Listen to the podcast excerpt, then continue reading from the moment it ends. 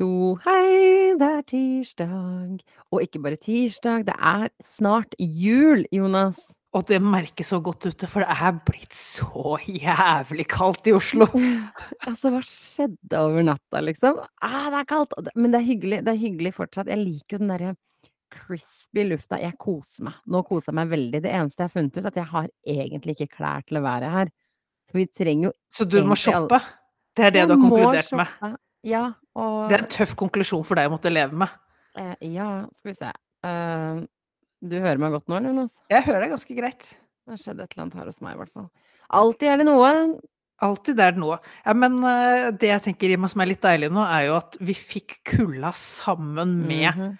eh, den første snøen. Normalt så kommer den første snøen, og så blir det slafs, og så blir det skit og dritt. Jeg Men nå ligger det der, det er ikke mye snø, men det tynne laget med snø blir bare liggende. Og Det det, syns jeg er deilig. Helt, helt enig. Eh, men, men nok om været. Det, altså det, for en uke som har vært, og ikke minst, så skjer det revolusjonerende ting i dag. Det skal være en ny pressekonferanse for å snakke om Omni-kanalen. Som er den nye varianten av eh, koronaviruset oppi ditt hode. Yes. Er Ja. jeg den eneste som ikke skjønner noen ting? Altså, jeg, jeg, jeg skjønner ingenting. Jeg Det var, litt, ikke det var litt morsomt, for nå hadde vi vi har, vi har jo litt dårlig timing på det på jobben min, for vi har, jo- skal flytte inn i nye kontorer. Og det Mhm. skjedde i starten av denne uka her. Og det skulle jo selvsagt være litt sånn storslagne eh, ting. Det er i hvert fall en sånn hyggelig velkomst. Nå blir det sånn at vi må porsjoneres litt ut. Vi skal helst ikke være mer enn 50% på kontoret. Eh, men da jeg kom på kontoret da på mandag, ja. Eh, så ble jeg møtt med en sånn veld, en hyggelig goodiebag velkomst-gavepose. Eh, mye fornuftige saker. En av sakene er sånn hurtigtest for korona. Så nå, nå er litt Det å ha vært en dag på kontoret er litt som å ha vært litt uforsiktig en tur ut på byen en kveld. Det er på tide å teste Walk seg dagen etter. Walk of shame. Walk of shame og fram med testen dagen etter. Men Så- altså, vi har også fått beskjed om at vi har nå da fri tilgang til tester eh, på kontoret vårt, og jeg er litt sånn Og det er bra. Er du klar for hvor dyre disse testene er? Jeg Nei. tenkte jeg skulle hamstre. Uh, Satser på at HR ikke hører på. Men tenkte jeg skulle hamstre litt, for de koster jo sånn de, altså de billigste, som jeg vet ikke om de er gyldige engang, jeg vet ikke om de er lovlige engang. Eh, de ligger vel på sånn 60 kroner, eh, og så er det liksom Resten ligger på 100 pluss kroner for én test. Og du må jo gjerne ha mange, ikke sant? For du skal jo teste det gjerne hver dag hvis du har påvist osv. Så, videre. Ja, for så nå er jeg ikke syns det er bra.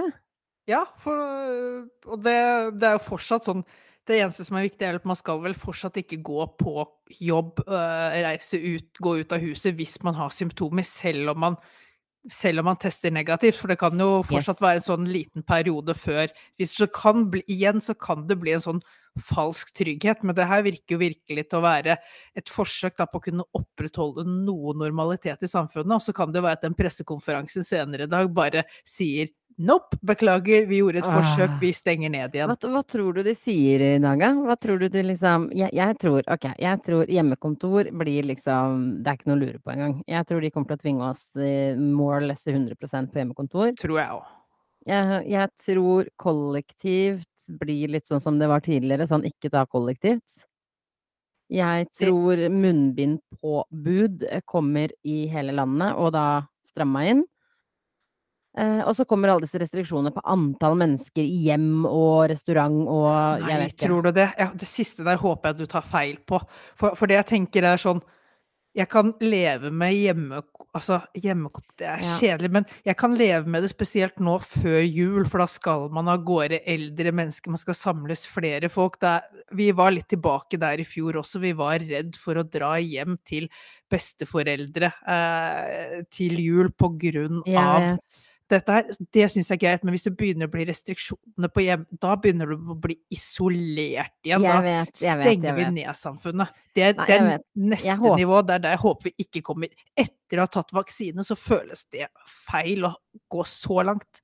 Jeg håper, altså det, er, det er meteren som blir avgjørende, om den kommer tilbake eller ikke. Men vi, vi får Ja. se. Jeg tror i hvert fall det innføres en del sånne ting som kanskje ikke nødvendigvis påvirker næringslivet i stor grad. Eh, det som, det som jeg, grunnen til at jeg sier at jeg ikke skjønner noen ting, Jonas, er er dette nye viruset farlig, eller er det ikke farlig? Altså, det, den biten forstår jeg ikke. Nei, Eh, det, de det syns jeg også liksom vært litt vanskelig. De sier liksom sånn Det er dritmange som er smitta, men så får jeg ikke helt taket på hva betyr det Hvor Men mange de som er sliter jo i innlagt, liksom? helsevesenet også. Det er jo stor pågang, så det er jo mange som blir lagt inn. Men man får jo ikke noen meldinger om at mange folk dør og dette her. Men jeg, jeg syns jo også skjønner at jeg. Jeg er det, lov, er det lov å si at jeg syns at ting har blitt mye mer uklart med den nye regjeringen òg? Ja, At det, det det er lov å si, og jeg er helt enig. Jeg er helt enig. Med den skjønner, jeg skjønner gamle så med den gamle så var det tydelig, liksom. Da var det Man følte kanskje at de tok i litt Heller litt for mye enn litt for lite hele tiden. Mens denne nye regjeringen, det er sånn Ja, mange smittet, OK, ny variant, OK, la oss innføre noe, og så skal man stramme til, ikke sant. Det gamle, det, det tok ordentlig tak. Vis, ristet tak i oss. Sa Ja. nå er det sånn, dette er alvor, alle forsto. Det her sånn Vi innfører litt og litt og litt og vet og litt og litt og litt. Til slutt så sitter vi der. Men den nye regjeringa er litt sånn Å, vi har ikke lyst til å være kjipe! Ja, det, vi, Jeg har ikke Jeg vil vi er så tidlig! Det er så Ja, tidlig regjeringstid. Vi vil ikke ja, miste den populariteten vi hadde. det er litt stas å være helseminister, litt stas å være statsminister. Kan ikke jeg få lov å bare få være det lite grann før jeg blir kjip? Men Det er sånn liksom Det er sånn bare Herregud, vi har holdt på med dette her i halvannet år. Når dere skal danne en ny regjering, så er det første dere må hvert være klar over, at dere må ha en tydelig strategi på dette her. Det er jo ikke første gang en ny variant har dukket opp hvor, eh, og smittetallene gått opp. Dette har vi vært gjennom før. Vi vet hva som fungerer, og vi har valgt å ikke utføre noe av det i en måned eller tos tid mens smittetallene har vært høye. Da kommer vi hit vi er. Det går ikke over av seg selv. Enten må vi si at dette her skal vi deale med, eller så må vi bare gi oss. Ja, men, men de vil ikke være kjipe. Og, men det som er så dumt nå, ikke sant? det jeg likte så godt med Bent Høie, han var veldig opptatt av feriene våre. Det var veldig sånn Dere, hvis vi er litt flinke nå, så skal vi klare å åpne opp litt i påske. Hvis vi er litt flinke nå, så blir sommeren bra. Og nå er vi to uker før jul. Ikke er vi flinke, ikke blir vi fortalt at vi bør være flinke. Ikke er det noen som sier 'skjerp dere, ellers så blir det ikke noe bra jul i år'. Så nå Altså, vi, tror du det kommer ikke... en sånn krampetrekning fra regjeringen? En sånn siste et desperat skippertak, mens det egentlig er for sent? Nei, jeg tror ikke den nye regjeringa bryr seg om feriene våre, rett og slett. Altså, de tar ikke stilling til hvor viktig det er for oss med disse tre-fire holdepunktene. du må huske, Irma, at den vanlige nordmann har ikke ferie. Det er, det, det er jo sånn, er det ikke det Ap har gått til valg på hele tiden? Den vanlige nordmann hele tiden. vanlige folk, vanlige folk. vanlige, folk, vanlige Jeg folk, skal Irma. love deg, er det én ting vanlige folk er gode på, så Så hilsen, hilsen oss vanlige folk, så er det ferie. Der presterer vi godt, og der skal vi fortsette med. Men i hvert fall fullt kaos. Omni-kanalen er eh, fullstendig ute og herjer. Eh, Ikke vet jeg egentlig hvor farlig eller ufarlig det er, men vi må jo bare gjøre som vi får beskjed om. Og akkurat nå så er det ingen beskjeder inntil videre. Så det er litt sånn spennende. Og god jul da, folkens! Og god Altså, jul! Det ah, er alltids en eh, liten koronapresang under eh, rundt nærmeste hjørne. Ja, men én ting, Jonas, jeg tenkte på. Jeg tok en sånn selvrefleksjon på dette her. For nå står vi overfor potensielt en ny nedstenging. Eh, og jeg kjenner sånn Så lenge det ikke berører på en måte næringslivet, hvis du skjønner hva jeg mener, sånn restauranter og litt sånne ting, så lenge det ikke berører det, så er jeg litt sånn Jeg er ganske mye roligere nå enn jeg var liksom tidlig fase koronastil. Du vet Altså, jo at du sånn finner At man finner rytmen på hjemmekontor. Man man man Altså, vi har man vært kan det før. seg tid til ting. Vi har vært igjennom det før. Vi vet å verdsette det vi kan gjøre, da. Mm. Og, Eh, og, og jeg er litt sånn der, Ingenting av det var liksom kritisk, og i hvert fall nå når det liksom det føles som det blir i hvert fall midlertidig. Men det sa vi jo sist gang òg. Så men men du må huske, du har jo skrudd deg ned til 60% Det fortalte du forrige uke. Ja. Så sånn sett så er jo nye tiltak er jo egentlig helt i harmoni. At verden, Ja. samfunnet rundt oss, skrur oss ned til 60% Det ville jo passet deg helt perfekt nå. Ja, men problemet er at når de skrur ned samfunnet 60% så må jeg opp på 150 igjen fort, ikke sant. Så nei, jeg vet ikke. Men, men la oss eh, satse på at tiltakene i dag eh, berører et minimum, eh, og så at livet går noenlunde videre. Men det blir spennende. Det blir spennende. Det blir veldig spennende. Men Jonas, åssen har din uke vært? Jeg føler at du har noe på hjertet du kanskje vil dele, eller? Jeg har tre høydepunkter fra uka. Og dæven. Nå håper jeg det er noe skikkelig juicy. Og nummer én, du har vært på date. Nummer to, eh, du er stupforelska i daten din. Nummer tre, eh, det er drama, eh, og det er trekantdrama, og dere er sinte på hverandre. Det er det eneste jeg vil høre. Det er det eneste du vil høre. Da vet du at du har valgt feil podkastpartner i livet. Ja, du er Du lever, du lever tynt. Jeg lever tynt. altså, første jeg må nevne her, eh, er jo at jeg har hatt besøk av min fetter fra Din Tønsberg. OK. Fantastisk morsom fetter. Herlig fetter. Og hans Hvor gammel er drøm fetter? Hæ? Hvor gammel er Han fetter? Nå må jeg ikke bomme, jeg tror det er 13. OK. Eh, En tenåring. Å, jeg en savner den tiden. Og han fått komme inn til eh, Vekk fra mor og far og søsken inn til Oslo og henge med oss fetter og kusiner. Ai, oi. Eh, så morsomt, og hans største ønske var å bli nevnt på podkasten. Så her Oi. er du, Henrik. Nå har du dine five seconds of fame, og de har du fortjent.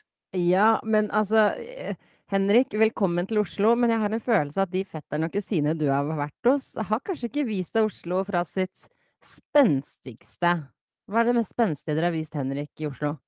Holmenkollen. Ok, så dere har tatt en sånn, sånn, der, sånn her ser Oslo ut-runde? Ja, jeg, jeg var der. Vi tok han til, med på julemarkedet det, for et par uker siden. Og så har han jo fått henge med oss. Han har fått vært med på pizzakveld hos meg, pizzakveld hos Oi, oi, broderen. oi. Så han Jeg har fått venter bare til opplevd litt. Henrik eh, blir 18. Så kan, Jeg Hen- så kan, til- kan jeg vise Henrik Oslo sånn som Oslo skal Jeg skulle til å si at jeg tror din variant av Oslo, det er, det er ikke noe for en 13-åring, Irma. Eh, si det til min nevø, som er 13 også. Nei, Altså, men- hva slags byguide, hva slags tante du er, Irma? Nei, det Nei, der han er, jeg han er smertelig klar over hva som venter han i fremtiden, i hvert fall. Så det er ikke noe å lure på. Nei, det, Men hyggelig med Henrik. Ja, så hyggelig. Og så det andre som har skjedd, det skjedde i går. Etter jeg hadde vært på jobb, da, fått i gang denne eh, velkomsten, så var det ut og kjøre gokart, Irma. Og det var jo Å, det min mulighet til å leve, lede, leve Formel 1-livet for Og en ettermiddag. Formel ettermiddag. 1, jeg, altså jeg, jeg får litt chills bare vi nevner det, for det skal vi snakke om på selvfølgelig slutten av episoden i dag. Oh, yes. var du, også, hvilken type fører var du av? Var du en Verstappen, var du en Hamilton, var du en uh, Massepin? Altså, jeg vet ikke. Jeg var en klassisk Walter i Bottas. Inn, Inn på tredjeplass. Eh, god topp-pace. Eh, litt bedre racetempo enn andreplassen, men helt fullstendig sjanseløs på å kjøre forbi.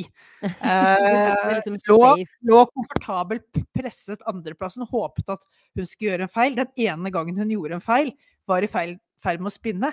Tror du ikke jeg krasjet henne inn på riktig kurs? Det, det er den type fører jeg Det er. er en Bottas, det er en Bottas. Men du sier hun. Var det en dame som vant på teamet? Nei, det var eh, Førsteplassen gikk til Eirik, og så var det Maren som tok andreplassen. Å, nydelig, Maren! Der ser du damer bør være i Formel 1. Vi har det i oss. Ja, ja, Maren er klar. Hun Gi Gi- henne en førerplass. Heia Maren, og grattis til Eirik, var det du sa? Ja. Ja. Han kommer over til deg om en måneds tid, han. Gjør han det? Velkommen skal han være. Ja, så da vet du hvem du skal uh, kjøre Hvem kapp med. skal ta, hvem jeg ikke skal ta med på gokart. Ja. Så det var nummer to. Og så nummer tre, Irma. Dette her er en sånn historie som er en klassisk one small step for mankind. Oi. One giant leap for Jonas Lindstrøm. Har du drukket øl? Jeg har ikke drukket øl, men jeg har vært ute på restaurant. Ute på pizzarestaurant. Og hvordan er jeg på restaurant når det gjelder å bestille mat? Nei, altså det, det ikke, du, har, du har en fast rett som du bestiller til enhver tid, spesielt pizza. Da er det parma, eh, og så er det glass vann. Eh, og det, det er bare klart, du trenger ikke å tenke engang. Det, det er bare sånn Det er bare låst. Ferdig snakka. Og det er den som du Det er den eneste retten som er såpass kjip at du ikke tigger om å få halve maten min. Du er den eneste som slipper å dele maten med meg. Helt riktig. Yes! Så jeg kommer inn på restauranten, og så ser jeg klassiske pizza parma. Det er egentlig bestemt. Og så bare triller øynene mine over på noe sånn ah, spesialpizza. Og det er på en måte Det er sånn Det er så meg unna. langt vekk fra unna. dine paletter. Men jeg finner en pizza der som jeg syns ser veldig god ut. Altså, det er litt som pizza Parma, bare at du har ikke ruccolaen, men så har du eh, Du har litt eh, pesto. Du har Oi, oi, oi. pistasjenøtter, og du har litt ost i skorpen. Og så tenker jeg, vet du hva? Jeg Nå går for det. jeg. Jeg går Du for det. Du er crazy. Og Det som skjer Var du da, Irma nervøs? Var du stressa i den situasjonen når du valgte noe annet enn Parma? Egentlig ikke, men jeg følte meg jo litt på bortebane. Så det er da det helt vidunderlige skjer, som aldri skjer i mitt liv. Jeg bestiller denne retten Mhm. til en litt sånn eldre mann av en servitør som liksom forstår han har levd li livet sitt Ja, i restaurantbransjen der på Å, i skjer noe, pizzabransjen. det skjer noe. Hallo, hallo, hallo. Hallo? En gang til. Der er du tilbake. Jeg jeg jeg er liksom hos kelneren som har vært i pizzabransjen lenge. Eh, det ser du Mhm. på han. Eldre mann. Jeg gjør denne bestillingen, og så gir han meg det blikket av stolthet, og bare det derre anerkjennende nikket om at du valgte riktig. For han så er ikke menyen et et eh, en eh, oversikt over mange ulike valg du kan ta. Det er egentlig bare en labyrint hvor den pizzaen jeg har valgt, er det eneste riktige valget. Så her står altså en person med så mye kunnskap. Han ser på meg. Du har valgt riktig. Han gir meg det anerkjennende nikket og nærmest blunker på at du løste denne gåten. Du har valgt riktig fra menyen.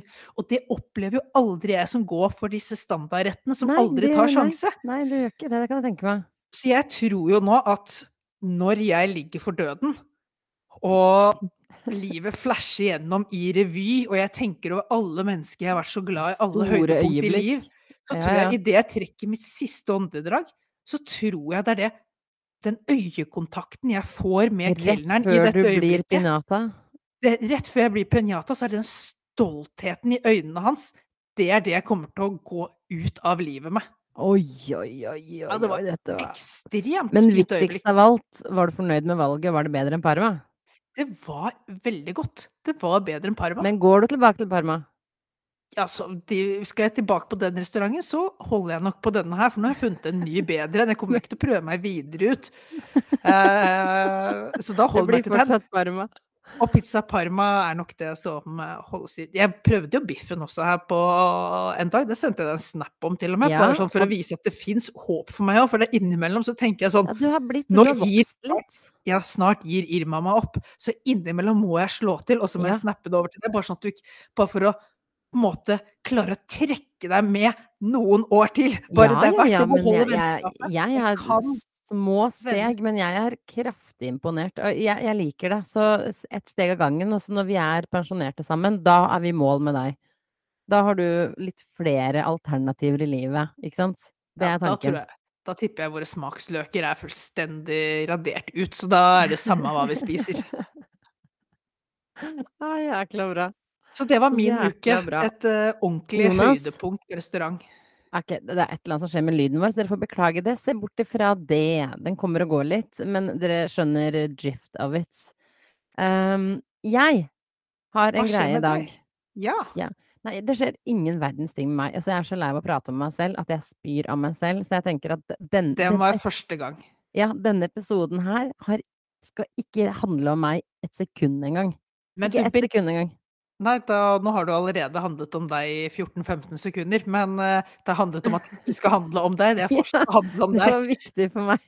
Men du hadde, du hadde en idé, eller uh, hva er det du skulle bringe til bordet denne uka, Nei. det er deg selv? På Jeg skal snakke om deg.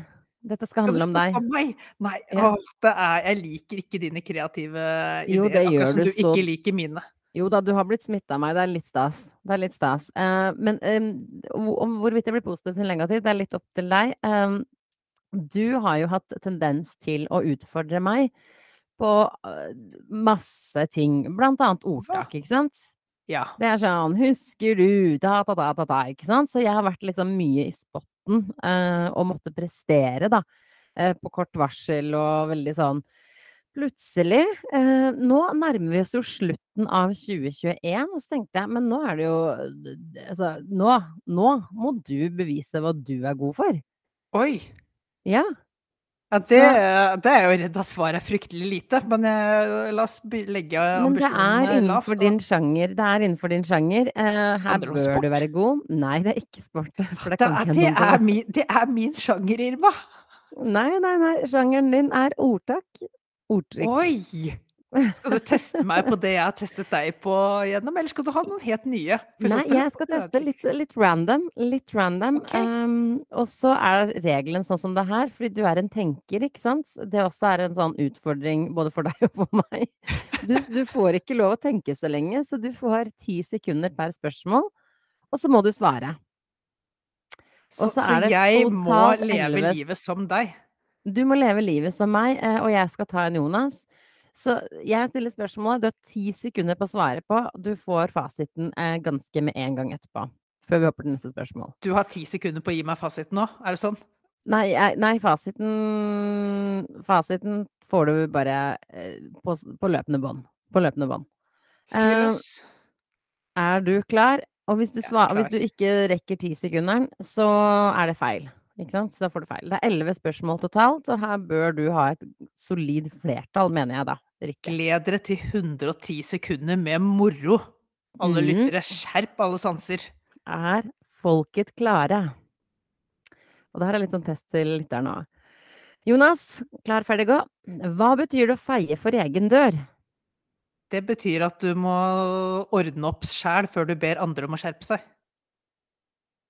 At du må, liksom, Eh, du må, du, ja, du må stå opp for de feil du har gjort, og selge se litt på deg selv. tiden er ute. ja. Det er helt riktig at du må sørge for å være feilfri før du kritiserer andre. Så det er riktig. Eh, skal vi se. Hva gjør du hvis du gjør svenske av deg? En, Hvis du gjør svenske av deg, da har du flyttet til Sverige.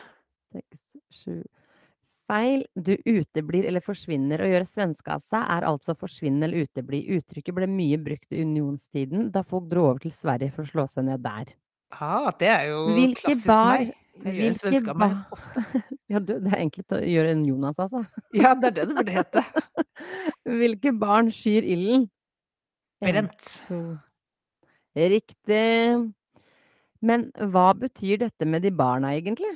Hva betyr 'brent barn skyr ilden'? Det er noen som har gått på en altså Uttrykket betyr jo noen som har gått på en smell. Eh, passer seg for det. Og det her vil jeg tro at det er i, i gamle dager, da, hvor eh, barn nærmest var tjenere. At de, de brant seg på ovner og sånt. Derfor så skyr de unna peisovner. Riktig. Hvis man opplever noe negativt, så passer man på at man ikke gjør det igjen. Ehm, hvem er det man maler på veggen hvis man fremstiller en situasjon Det er riktig.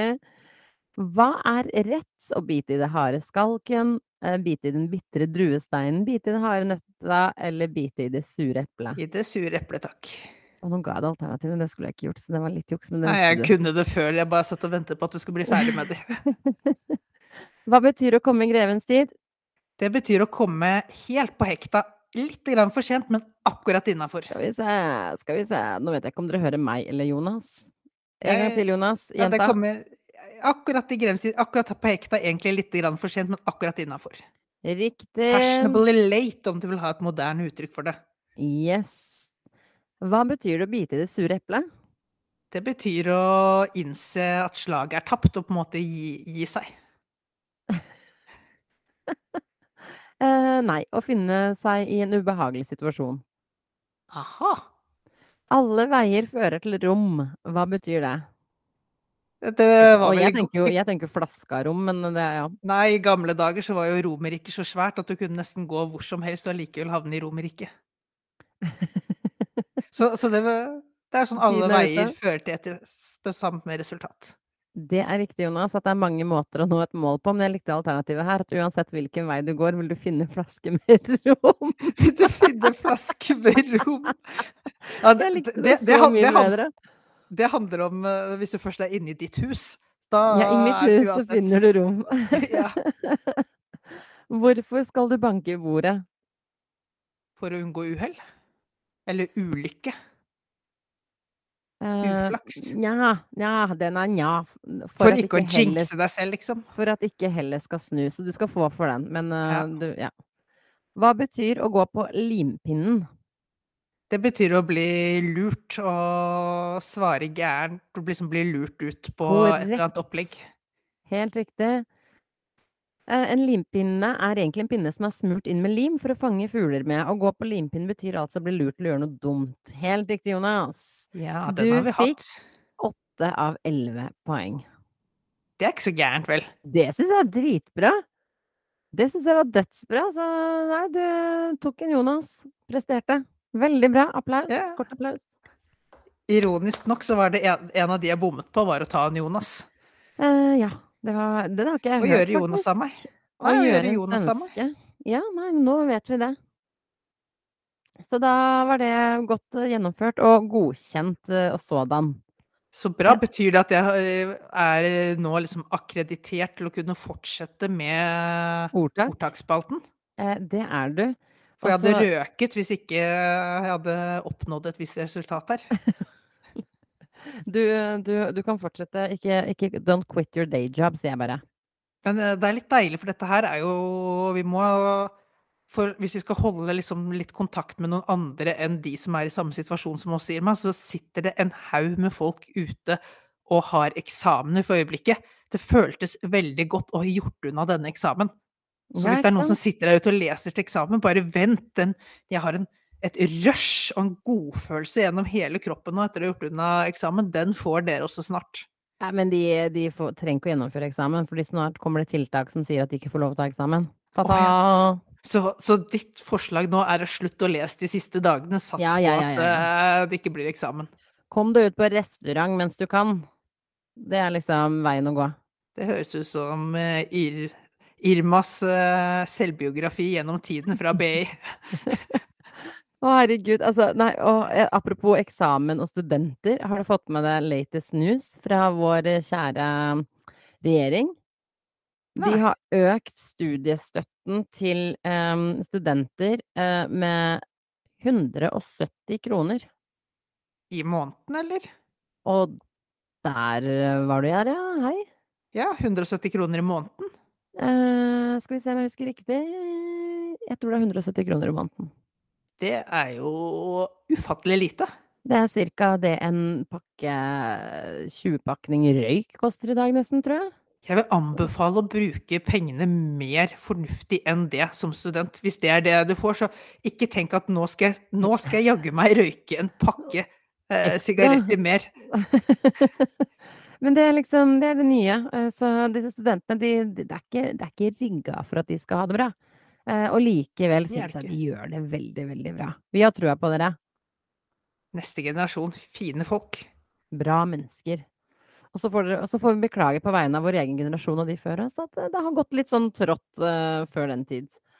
Men, men. Men da er det bare med for de å rydde opp i. dere blir ikke arbeidsledige, i hvert fall.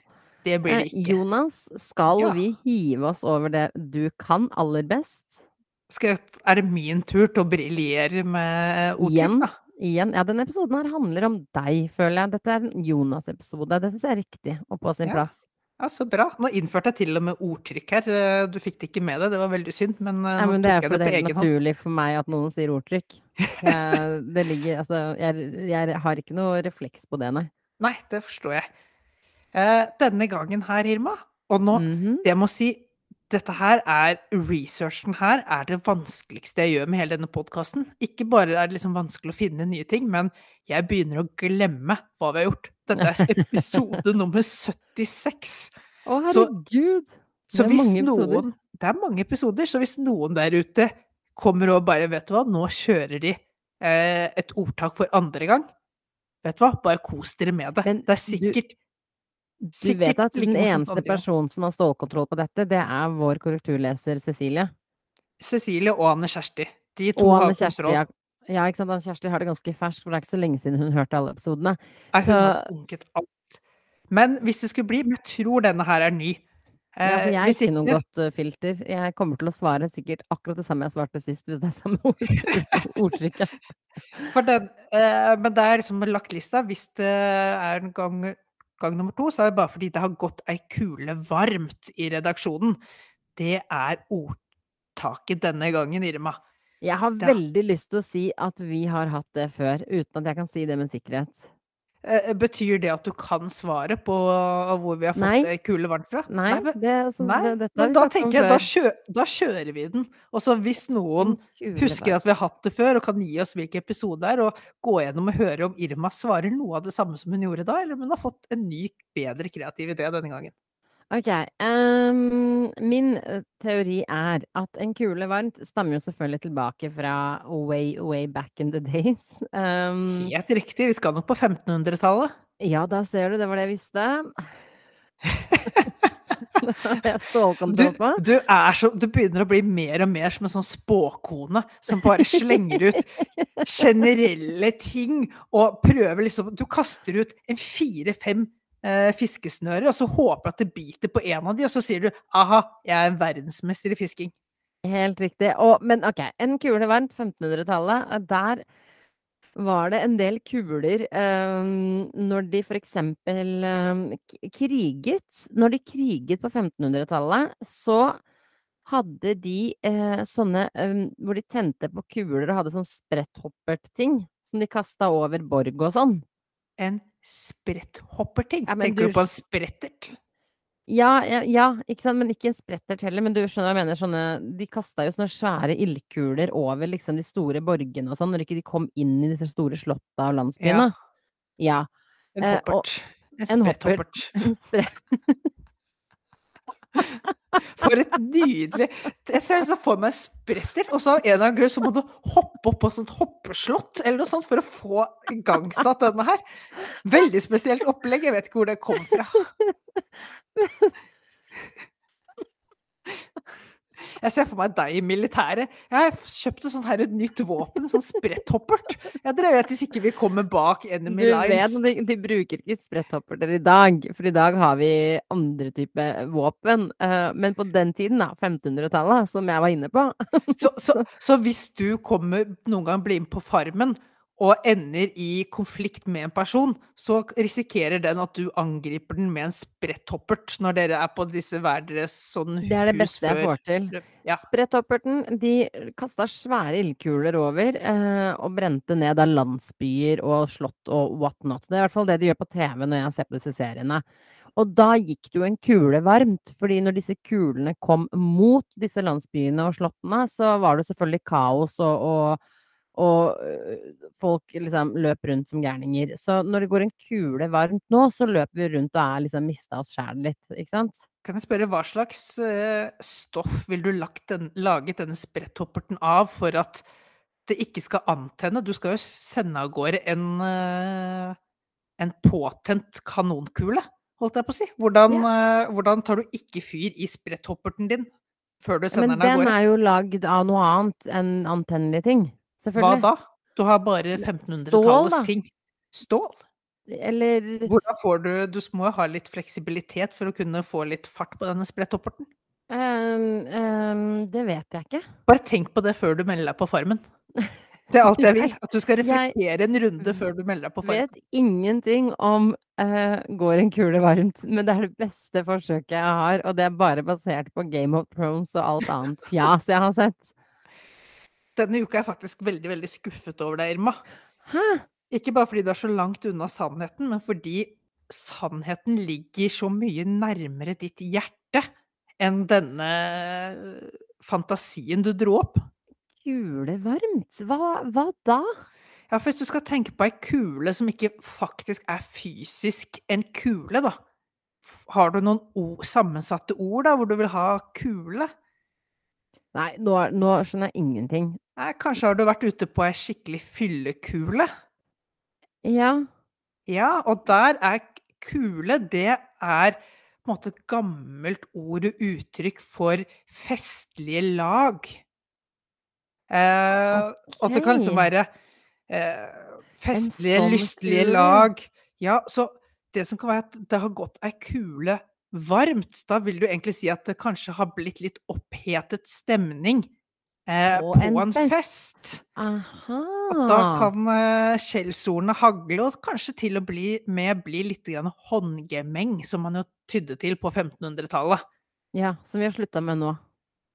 Eh, absolutt. Det er ingen som slåss lenger. Du er veldig vanskelig å slåss med én meters avstand, Irma. Ja, for vi mennesker er så flinke til å utvikle oss med Ja. Så nå, nå slår vi hverandre med machete istedenfor med knyttnever. Ja. Åh, ja. Ok, så det er, det er egentlig bare en heavy fest. Det Det er liker jeg veldig godt. det. Det For liker jeg veldig godt. For det er vel noe du kan føle på dagen etter at oi, oi, oi, i går gikk det ei kule varmt. Ja, alle de gangene jeg slåss på byen, så kjenner jeg veldig på det.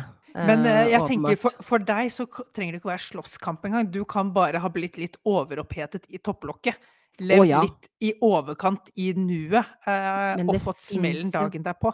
Fins jo ingenting bedre enn å liksom slippe ut stimen uh, i uh, promilletilstand, ikke sant? For det er noe veldig, veldig godt med det. Så det anbefales uten fysisk kontakt. ikke prøv det hjemme, folkens.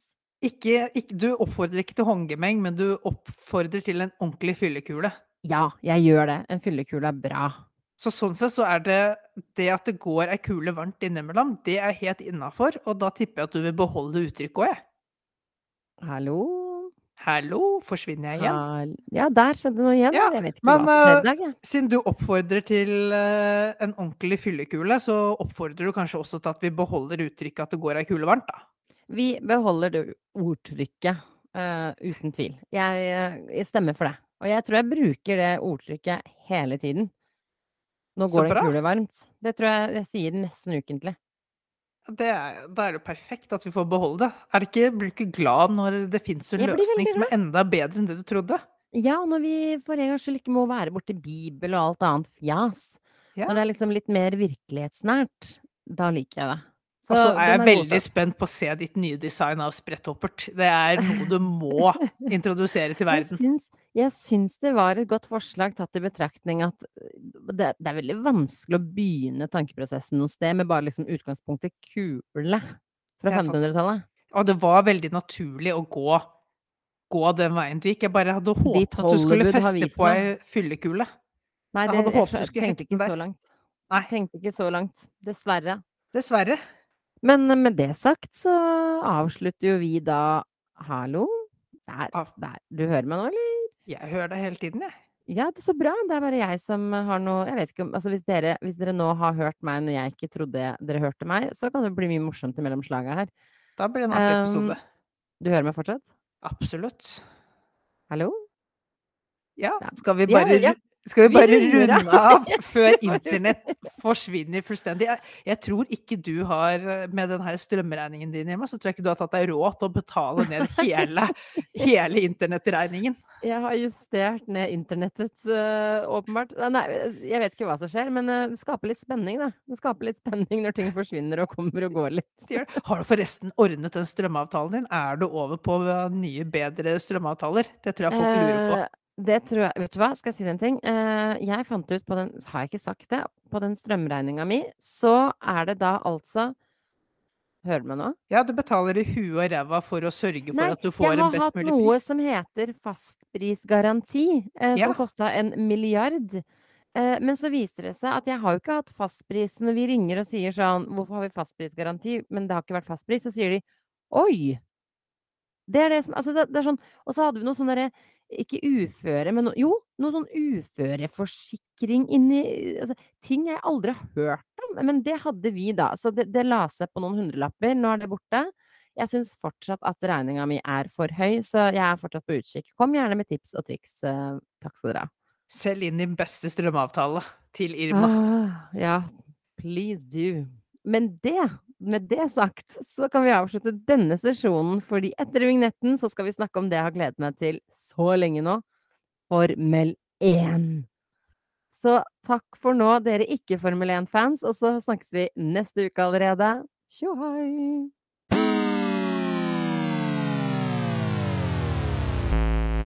For et drama, Irma! Nest siste Ah! runde, og alt vi bare har sett bygge seg opp, slår Mhm. ut. Det er eh, Ja, det, det er egentlig Snart så er det ikke Nå, lenger en nå, idrett. forsvant, nå forsvant du igjen. Men Forsvant bare fortsett du, for jeg håper liksom publikum hører deg, for da spiller det ingen rolle at jeg forsvinner litt. Ja, for det skulle til å si var at jeg, nå tror jeg liksom Formel 1 er i ferd med å bli noe som forsvinner ut fra hendene på de som elsker idretten Formel 1, og mer over for oss som er ute etter action, drama, Mm. og egentlig ønsker Race to Survive, Netflix-serien, gjennom alle eh, rundene. Yes. For nå, nå er dette her et Hollywood-manus. Du begynner å få en skurk, du begynner å få en helt, og du begynner å få noen dommere som mister fullstendig kontroll på hele Mhm. manuset og kulissene. Nei, det er, eh, det er galskap. Altså, vi trenger ikke å gå gjennom løpet, fordi det var altfor mye som skjedde. Men vi kan i hvert fall ta for oss de måte, to viktigste som skjedde i løpet. Eh, etter min mening, så får du legge på hvis det er noe mer du tenker liksom er en høydere. Nummer én at eh, nå er vi på tre Den er vi på kvalifiseringen. At Verstappen er i ferd med å ta førsteplassplassering eh, på siste runden, siste sving, kjører inn i veggen, mister den. Men hadde da fått Ledet med, to og et, ledet med to og et halvt tider, som jo er utrolig lite i den store verden, men i Formel 1 er jo to og et halvt tidel en evighet. Du kan nærmest gå i mål med to og et halvt tidel å gå på. Han kjørte ganske reckless der. Eh, det er det Ja, jeg ja. syns liksom Altså, folk, sier- folk sier jo liksom eh, Folk sier at han, det var dritbra runde, og han hadde vunnet den. Men han kjørte så reckless og var borti veggen flere ganger. Altså, det kunne aldri gå i mål. Det lå bare i det var kortet. én der sving unna. Ja, ja, En sving det, unna, og der gikk det gærent. Og da var det jo tredje startposisjon, og det skulle jo egentlig vise Man trodde jo Tenkte at ok, men det blir veldig viktig med denne kvalifiseringen. Men så kom det jo to-tre rødflagg, og du skulle jo ikke starte dette løpet bare én gang, du skulle starte to og tre ganger. Så det ble jo ikke så viktig som man trodde likevel. Nei, men man kunne ikke forutse det, og så ble jeg litt sånn irritert over folk som sier men han fortjente egentlig førsteplassen etter kvaliken. Han gjorde jo ikke det, for han kjørte jo inn i veggen. Altså, Det er helt så enkelt er det. Han hadde tempo inne til å kunne ta førsteplassen, men da måtte han levert sitt beste, og du leverer ikke ditt beste når du kjører inn i veggen. Nei, og grunnen til at ingen andre hadde det tempoet inn der, var jo fordi at det var ikke forsvarlig til å kjøre de svingene med det tempoet der. Så, så det var ikke en fortjent førsteplass, og synd at han kjørte i veggen, for det hadde jo uansett vært gøy med liksom action. Dessuten så var jeg redd for at liksom det skulle bli avgjort denne helgen her. Eh, Det så sånn store sett- issue hadde jo vært hvis girkassa hadde røket etter det når han ikke fikk startet løpet. Da hadde jo mesterskapet i bunn og grunn vært avgjort. Yes, det er sikkert derfor han også stoppa umiddelbart. Så Ja. ja. Det var i hvert fall en av de første sjokkerende greiene. Men så er det jo det alle snakker om. Hamilton kjører på Verstappen bakfra når det er snakk om eller ikke snakk om at han skal kjøre forbi som en del av straffen Forstappen har fått for å kjøre forbi han på utsiden. Mm. Altså, øh, jeg forstår fortsatt ikke hva som skjedde der. Det, det som er, er jo at forstappen, dette er ganske tydelig for Verstappen, måtte jo ett senere også slippe forbi Hamilton. Han har bestemt seg hvor han skal slippe forbi Hamilton når han får en sånn tidsstraff. Det er ikke noe tilfeldighet. Han gjør det på langside, hvor han kan svare, få slipstream og øh, bremse senere enn Hamilton inn i neste sving og passere han igjen. Og på Mhm. den måten holde seg foran selv om han har sluppet seg forbi. Det Og var jo det han gjorde senere. Og inn i Yes. en DRS-sone. inn i en DRS-sone. Så det er ikke en tilfeldighet i verden der. Mens jeg tror Louis Hamilton var så inne i konkurransemodus at da Førstappen står nærmest stille foran han, så Så glemmer han han hvordan han kjører bil. Typ. For han skulle Ja. jo bare lagt seg ut til venstre og kjørt forbi. Istedenfor så kjører han jo helt opp i rumpa, og så skal han brått svinge ut Men, venstre. Han- men fikk Hamilton den beskjeden innen det der skjedde? Visste Det- han da på det tidspunktet at han det- skulle forbi? Det tror jeg ikke. Nei, det gjorde han ikke, men han er jo der for å reise. Altså, tenk om, tenk om dette hadde vært motoren til Verstappen som bare hadde slukna, da. Der og da hadde han fortsatt kjørt opp i rumpa på Verstappen og krasja inn. Det var jo helt hadde han. Han er jo en dreven sjåfør. Når du ser han står stille, så kjør ut til venstre og gi gass, da. Så tror, jeg akkurat tror den, den var litt på Hamiltons skuldre. spør du meg? Veldig merkelig agert av Hamilton. Ja, enig i det. Men nummer to, og grunnen til at nå um, Verstappen i ettertid har fått ytterligere ti sekunder straff, er fordi de har målt det dit hen at det har vært en altfor hard og brå stopp. Det, Eh, og det, det kan du helt klart si, men, men det var ikke sånn at han bråbremsa og dermed krasja Hamilton inn. Han slowa jo ned, og så stoppa han ytterligere opp. Men Hamilton kunne, han hadde jo mange sekunder han kunne lagt seg ut til venstre i banen og bare passert han. Det var ikke sånn at han Jo, kjørte sikksakk. Jo, men når du ser at de slipper hverandre forbi, så gjør du jo det i fart. Det er jo aldri Ja, noen som stopper opp. jeg helt enig, det var jo sikkert altfor Jeg brått. tror det var full jeg skjønner, forvirring. jeg skjønner fortsatt ikke Hvis du er forvirret, da, og det er Hamilton, så hadde Jeg tenker jo instinktivt burde være å legge deg vekk fra Forstappen. Hvis du ser Ja, noen som stiller, så kjør vekk fra han. Ikke kjør oppi rumpa på han. Ja, men det er der diskusjonen pågår, da. Kjørte han med viljen rumpa på han? Var han reckless, eller var det Verstappen som Jeg tror jo Hamilton hadde ingen grunn til å Ingen av de hadde egentlig noen grunn til å få sammenstøt der. Nei, nei, nei, nei. kjørte for sakte for å lokke Hamilton forbi på det stedet han ønsket. Mhm. For DRS-sonen. Jeg tror ikke Hamilton tenkte at dette er et dårlig sted å kjøre forbi, jeg legger meg bak, og så ombestemte seg plutselig. Jeg jeg tror det bare forvirring. Ja. han ble sjokkert. Er dette virkelig Hamilton? Er dette hva Nei, er dette virkelig Verstappen? Hva skjer? Hvorfor har Verstappen stoppa? Hva skal jeg gjøre? Men, har det skjedd eh, noe? Altså, jeg vet ikke. Jeg Det vet var ikke, jo sånn bank i bordet, da. Det var utrolig at det ikke Og det var jo ødela hele mesterskapet. Hamiltons ja, bil kunne jo- gått i stykker. Ja, Og da hadde man sittet der igjen og hatt et sånt spørsmål om skyld rundt en helt Ja. bisarr situasjon. Yes. Uh, så Men jeg syns også, også at Mercedes skal ta litt på sin kappe at de ikke varslet Hamilton i god tid at du skal nå kjøre forbi.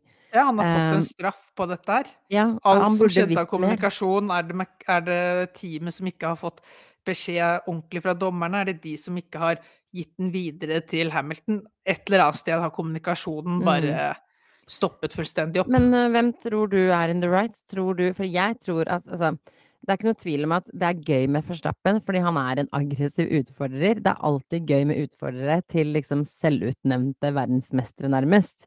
Ja. Så jeg liker jo denne fighten så godt, så det, det kunne jo ikke for min del endt på noe bedre måte enn dette. At de står helt likt inn i siste løpet. Det er liksom Spenninga er uholdbar. Eh, men samtidig så føler jeg likevel at eh, Hamilton fortjener denne åttende seieren. Altså, han har kjørt så jækla ryddig sammenlignet med Verstappen. Jeg syns han har vært bajas. Han har tatt syke sjanser. Han har krasjet utallige ganger.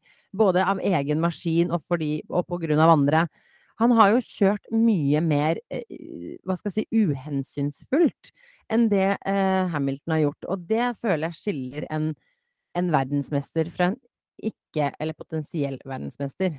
Ja, jeg tenker nå at nå har det på en måte vippet over her. Eh, Max Verstappen forsvar... Det har gått fra at Max Verstappen forsvarer seg med alle lovlige midler, til at Max Verstappen forsvarer seg eh, med alt som han kan, som er lov og ikke lov. Og dette løpet her er jo mye bevis på det. Hver gang han får en straff, så prøver han å han, kjører noen runder før han tar straffen. Han tar Mm. straffen på en merkelig måte. Han ender Han med å presse. Hamilton ut. Og det, er jo litt sånn Og det syns For å ta én situasjon til da, Irma. Og det er jo den Mhm. situasjonen hvor de får Hvor uh, Førstappen får fem sekunders straff, som mm. egentlig avgjør dette her løpet. Der syns jeg vi ser storheten til Louis Hamilton.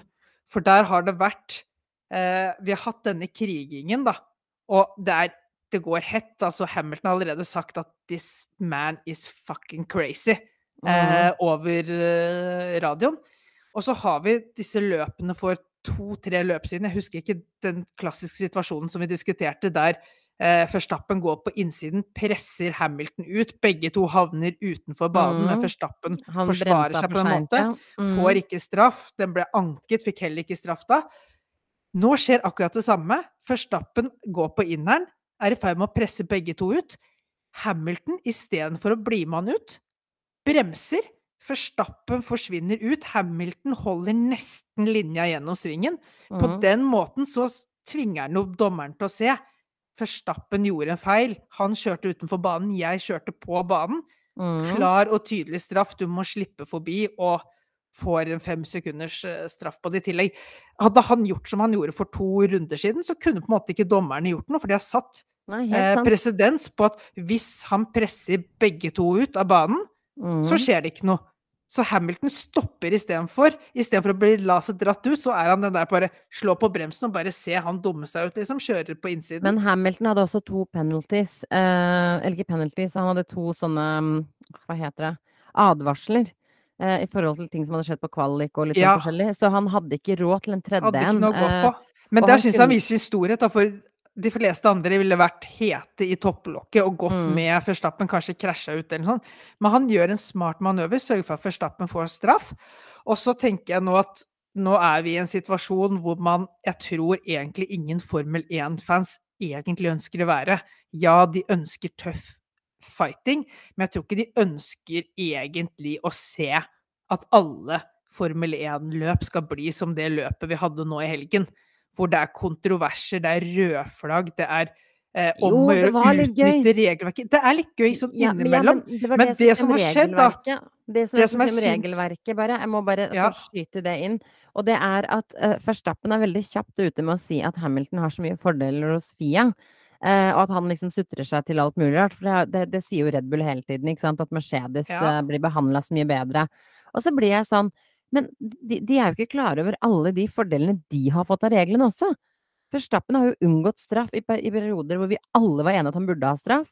Eh, når det nå var rødt flagg, så fikk jo Verstappen fordelen av å bytte dekk under rødt flagg, som er helt hårreisende i utgangspunktet. Han, altså, han sitter helt stille i båten når reglene gir han fordel. Men det sekundet noen det andre får en fordel av reglene, så blir det altså så jækla sutrete. Og han var på er der- radioen Det er derfor derfor jeg tenker at dette kan vi ikke ha videre her, Irma. Fordi dette her har jo bare blitt en kamp om Du hører bare bitching over radioen gjennom hele løpet. Jeg liker jo litt dramatikken. Jo, jeg, jeg vet du gjør det, men Jeg liker jo litt når Totto og Christian Horner er på radioen og er sånn De er så polite og liksom så blir så forsiktige, men de gir en sånn fuck you på den radioen hele tiden opp til han derre Hva heter han? Massi Ja, ja. ja, hoveddommeren. Hoveddommeren, ja. Og det, men det er der jeg tenker at min store kaktus går jo til dommerne. For i min Jeg følger liksom en del forskjellige idretter, har gjort det over tid. Og jeg har liksom lært meg at en dommer har egentlig to oppgaver i en idrett. Det ene er selvsagt å følge regelboka, sørge for at man følger lover og regler. Og det kan man sikkert si at Formel 1-dommerne har gjort. Jeg vil tro det, selv om de nå plutselig på radioen spør Red Bull Om de tilbyr dere en ja. andreplass. Altså, da har du begynt å miste. Men der, det er den andre oppgaven de har mistet på. For det en dommer skal gjøre i tillegg til å kontrollere at ting går innenfor reglene, det er å lese rommet, altså stemningen. Noen ganger så må de sette ned et eksempel tidlig, når de føler at nå er ting i ferd med å Mhm. koke over. Og andre ganger så er det mer sånn OK, dette er en fair fight. Her må vi tillate å åpne opp. Vi må liksom la spillet gå. De har ikke lest rommet i det hele tatt. De har ikke Syns du ikke det? Nei, ikke gjennom denne sesongen. De har tillatt for mye. De har ikke satt ned De har satt ned foten på sånne tekniske ting. Oi, denne vingen var 1 millimeter for 0,1 millimeter for mye. Sånn. Fint, det må du gjøre, men på ufin oppførsel når Altså, jeg føler at dommerne de siste rundene har nærmest oppfordret Verstappen til, Til å, å bli kjøre, ja. mer og mer i grensen av fair, av Mm. unfair. Og han har fått lov til å gå over grensen. De har sluppet han til der. Og han tar Han har fått lillefingeren, og du vet at det er en type som tar hele hånda når Ja. han får det. Louis Hamilton, hadde han fått lillefingeren én gang, så hadde han tatt hele hånda den gangen. men hadde ikke trodd at han kunne gjøre det hver eneste gang. Nå er det litt sånn Førstappen har fått lillefingeren, skal ha hele hånda. De har ikke lest rommet. De har ikke skjønt at her må de Stygt. makten sin på en måte som gjør at de faktisk roer ned disse Mm. kampene mer enn å igle opp til fight. Og jeg tror vi går inn i en siste runde hvor, Alt hvor, kan hvor, hvor ja, du sitter der med følelsen at kan de virkelig unngå å krasje hverandre ut her? Nei, men vet du hva, det er ikke de, de Mercedesen til Louis Hamilton går mye raskere enn Verstappen. Han har et annet race pace, han har hatt det flere ganger. Ja, det var litt dekkstrategi denne gangen her med medium-dekkene til Verstappen som gikk tom på slutten, men Hamilton pusha han før det, eh, pressa seg forbi. Jeg tror, jeg tror vi har kommet dit at Verstappen ah, kommer ikke til å klare å slå Louis Hamilton i siste løp. Da er, da er det to alternativer. Louis Hamilton vinner, eh, vinner Mhm. hele mesterskapet, eller det blir en krasj ut, og så vinner eh, Max Verstappen på det. Jeg tror det er de to scenarioene som kan utspille Jeg seg. tror, eh, jeg tror Verstappen og Red Bull kommer til å være villige til å krasje for å få seieren. Ja, Det tror jeg 100 og er dommerne kan, Kommer dommerne da til å kunne innføre noe poengstraff eller et eller annet i ettertid som tar fra? Kommer de til å tørre å ta fra Verstappen Nei. Mesterskapstittelen på bakrommet? Der tror jeg ikke de har kommet. Hvis Max Verstappen hadde trodd det, hvis han hadde sittet med følelsen at vet du hva, de er på meg hvis jeg gjør en greie her, gjør jeg noe gærent, så kommer de til å ta fra meg eh, tittelen på Mm. Da hadde det hadde ikke vært i hans tanker at han kunne Nei. gjort det engang. Nå er mi, miljøet som er skapt i Formel 1-sirkuset nå, ligger til rette for at det er nesten Jeg tror nesten folk sitter bare og venter på at det er den store Hollywood-avslutningen. Det kommer til å bli, det kommer til å bli noe, det kommer til å bli noe kontroverser rundt det. Det er jeg overbevist om. Eh, Det kommer til å bli krangling. Det kommer til å bli et eller annet regelbrudd og regeldiskusjoner. Eh, Og worst case, som jeg tror er ganske høyt sannsynlig, eh, en krasj. Fordi Verstappen har alt å vinne på det. Hamilton har alt å tape på det. Noe som også betyr, tror jeg, så dreven erfaren som Hamilton er, så kommer han til å være veldig klar over at, Ham nei, at Verstappen kommer til å vinne hvis han krasjer. Ja. Så jeg tror han kommer til å play it så safe som han kan eh, innenfor rimelighetens grenser. Men hvis det står om han og Verstappen, så tror jeg han kommer til å gønne på. Og det vet vi også at Verstappen kommer til å gjøre. Han kommer til å gi alt. Men jeg Og han har alt alt å vinne på det. jeg tror Formel 1 etter årets sesong er nødt til å gå opp hvordan Hvilken posisjon og hva jobben til dommerne er. For du har fram til nå, så har Formel Altså de siste årene har Formel 1 vært Mesterskapet har vært å dele ut tittelen til eh, Louis Hamilton. Det har ikke vært Du har trengt bare følge regelboka, har holdt det som dommer. Mm. Nå må du faktisk inn med sosial eh, kompetanse. Du må forstå hva som skjer. Du må lese dramaturgien. Du må ha en fremtidig syn. Du må skjønne at det du tar og gjør av bestemmelser i dag, det kommer ikke bare til å påvirke løpet i dag, men det kommer til å påvirke hva som skjer de neste to, tre, fire, fem helgene. Der er ikke dommerne i år. Det har sklidd fullstendig ut, og du har egentlig fått en sport som er i ferd med å bli en eneste stor Netflix-serie, og det er helt nydelig jo, for sportens jo, men- popularitet, men jeg tror uh, du risikerer jo Du har jo vært inne på dette her at du syns det er ufattelig synd å høre publikum bue på tribunen. At litt av den her Mhm. gentleman-delen som har vært i sporten, da, og som jeg tror du er nødt til å ha i sporten, fordi du konkurrerer i 300 km i timen, og får du hooligan-tilstander, så går liv tapt. Den er jeg redd for at du er i ferd med å viske ut sånn sakte, men sikkert på måten de holder på nå. Da. Så jeg tror de er nødt til å sette seg ned, så må de strekke litt. Jeg er ikke enig med deg. Jeg, jeg, jeg, har sagt, jeg har sagt lenge at jeg syns at Formel 1 har vært en veldig sånn politisk korrekt sport. Det har vært veldig ryddig. Det har vært liksom eh, Ingen skal utvise følelser. De sier det samme. De er fornøyde, og de er misfornøyde, og de er veldig tekniske. Jeg syns det at vi nå har en kniving, at folk viser følelser, at det er litt oppheta diskusjoner på hva som er rett og galt, fordi disse reglene blir jo også litt, blir jo også litt til as we go. Jeg syns sporten har så jækla godt av det, for det har vært Det har så ryddig. Det har vært kjedelig i lange perioder. Eh, det, det har vært liksom sånn Det, det har vært for, for strigla. Eh, så dette her er jo Jeg tror ikke alle sesongene blir som den her. Det er jo lenge siden man hadde to stykk førere som lå så tett mot mål. Eh, og det tror jeg er første gang, så vidt jeg kan skjønne, at det er to førere som ligger helt likt inn mot siste eh, løp.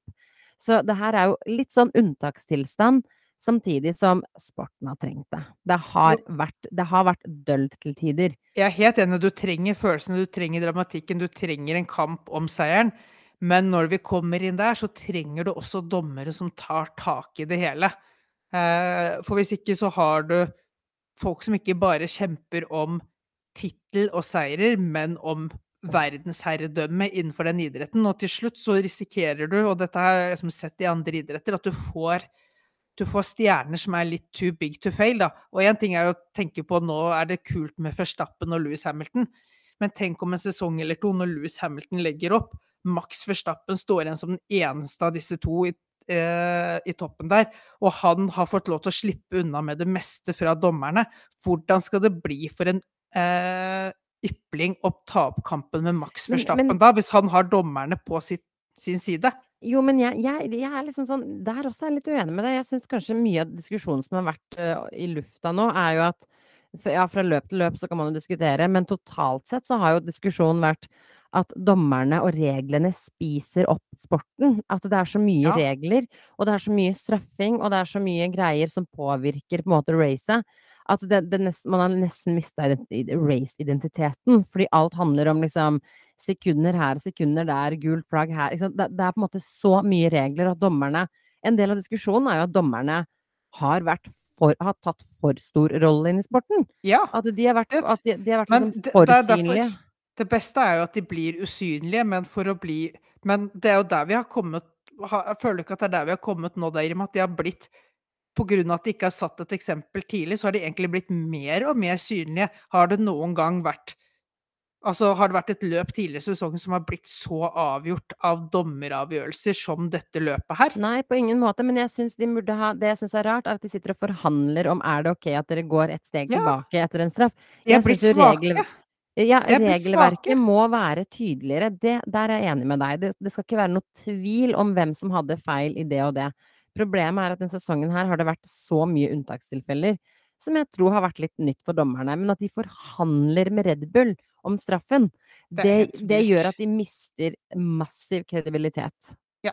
Um, men der igjen, der kommer det der med å read the room. Jeg tror de har tatt den type approach i situasjoner som er i gråsoner, for å prøve å liksom ikke For å prøve å read the room. For å prøve å ikke liksom Jeg jeg syns jeg, tror- lest det helt gærent i så tilfelle.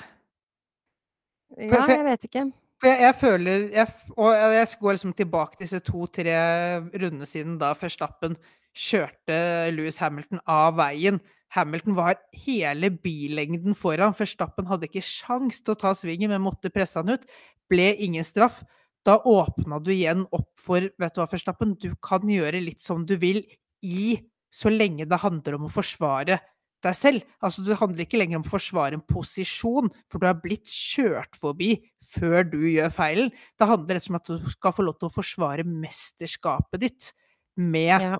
med, ved å bryte regler. Mesterskapet kan i hvert fall ikke avgjøres på bakrommet på dommerrommet. Det syns jeg blir veldig kjipt. Men alt i alt så er det sånn, nå bygger det seg opp til et tidenes løp. Jeg kjenner at jeg liksom grugleder meg til å se det. Eh, Jeg er jo fortsatt der at jeg syns de begge to er verdige vinnere. Jeg syns de har fighta veldig godt, begge to. Eh, De har begge to ligget milevis foran tredjeplassen og nedover i rekka. Så de er gode, eh, men jeg har fortsatt et ønske om at Hamilton skal få sin åttende, åttende seier. Jeg ja, jeg, håper nå at Hamilton vinner, ikke noe av åttende seier, ikke noe av at jeg vil at han skal bli historisk etc. Jeg syns bare ikke Og Max Verstappen kommer garantert til å bli verdensmester. Han kommer garantert til å gjøre seg fortjent til å bli verdensmester en gang i fremtiden. Jeg syns sum av summarum på årets sesong, så var han lenge en veldig verdig verdensmester. Det som har skjedd de siste rundene nå, syns jeg han har mistet mistet det lille. Han har liksom, i min bok, gått under den der grensen for å bli en verdig verdensmester. Jeg syns en andreplass er riktig for han i år, og så håper jeg at Du er skikkelig de- sinna du på Max Verstappen. Ja, men jeg er bare Nei, jeg er egentlig liksom mest oppgitt over at det skal bli eh, Ja, det er action, det er drama, det er bra, alle de tingene der, men men på et eller annet tidspunkt så er det der at vet du hva, Forstappen, når du ikke er god nok du, du forventer jo at du skal kunne passere andre førere uten at de krasjer deg av banen. Da må du faktisk innimellom innse Er dere likt inn i svingen, fight så mye du vil. Ligger han andre en og en halv billengde foran deg, og ikke gjør noe feil i innbremsingen, så er det ingen fornuft at du skal kunne Bare komme først ut av i det. svingen. Du er rasende på Max Verstappen. Fullstendig rasende. Det klikker for meg. Fordi det fins folk der ute som ville sagt at nei, nei, det er Louis Hamilton som får alle fordelene fra Fia. Det er Louis Hamilton som har en beskyttende hånd over seg. Jeg mener jo at um, de begge to har sluppet både billig unna og til tider blitt straffa for veldig tåpelige ting. Så jeg, jeg ser ikke at noen av dem har fått en major uh, fordeler alene uten at andre har fått det. Men jeg kan nok være enig med deg at uh, Max Verstappen han mangler den siste lille edgen for å få dette mesterskapet. eh, men, men det er 50-50. Han tenker... står like aktuelt neste helg som det Hamilton gjør. Jeg sier, at, det, jeg sier ikke at jeg vil at, at vi skal stramme den løse skrua hos Forstappen helt, men bare stram bitte lite grann, så den ikke er så løs som den er nå. Men aller mest, bare sånn avslutningsvis også for podden, men måten de avsluttet også når de skulle stå der og sprute champagne på hverandre på hva skal jeg si, pokalseremonien. Altså at han liksom bare sånn furtende går av scenen, liksom. Eh, det tenker jeg er et så jævla major fuck you til fansen. Til de som Altså til de som heier på han, som syns at han likevel har gjort det bra, selv om han kom på andreplass til de som har troa på han, at han liksom bare tar den flaska og liksom oppriktig med et furtefjes bare går av, liksom. Det vil Men, også si eh, at han unner jo ikke da eh, verken Hamilton eller eh, Bottas, var det vel. Uh, han unner jo ikke dem seieren. Altså, det, det er så Men dårlig er ikke, det, er ikke det litt av de følelsene du vil ha, da?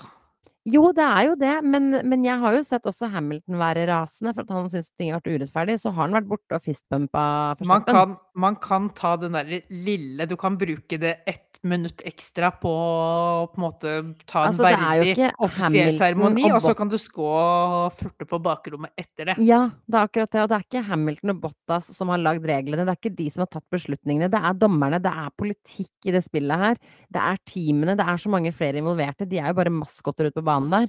Så det å liksom nærmest gi dem en kald skulder og bare gå av sånn sinna, det, det, det er igjen strek i boka i forhold til du fortjener ikke verdensmesterskapet. For sånn oppfører ikke en fremtidig verdensmester seg. Kan jeg avslutte med en siste bitte lille fanesak for meg, som jeg tror vi kan være enige om, Irma? Ja. Sånn som Formel 1 har utviklet seg med den dramatikken vi har i dag, Mm. så må vi få noen ordentlige journalister til å ta de intervjuene av førerne Ja! etter løpet. Enig. Ikke gjør noe sånn tidligere førere som er konfliktskye, som skal stille de spørsmål. Gå inn i purra, ta for deg situasjonene, still de til vekks. Få Britene er ordentlig svar. dritgode på det der. Viaplay, jeg syns Atle er fantastisk. Eh, Han er ryddig, men Atle mangler liksom Han mangler på en måte litt fyrverkeriet. Han Henning og han andre som ikke jeg husker navnet på. Steinar. Steinar, ja. Det blir, det blir så monotont. Det blir så enkelt. Og så trenger vi folk men- som At vi har en dansk dame der ute. Jeg forstår jo ikke hva hun sier.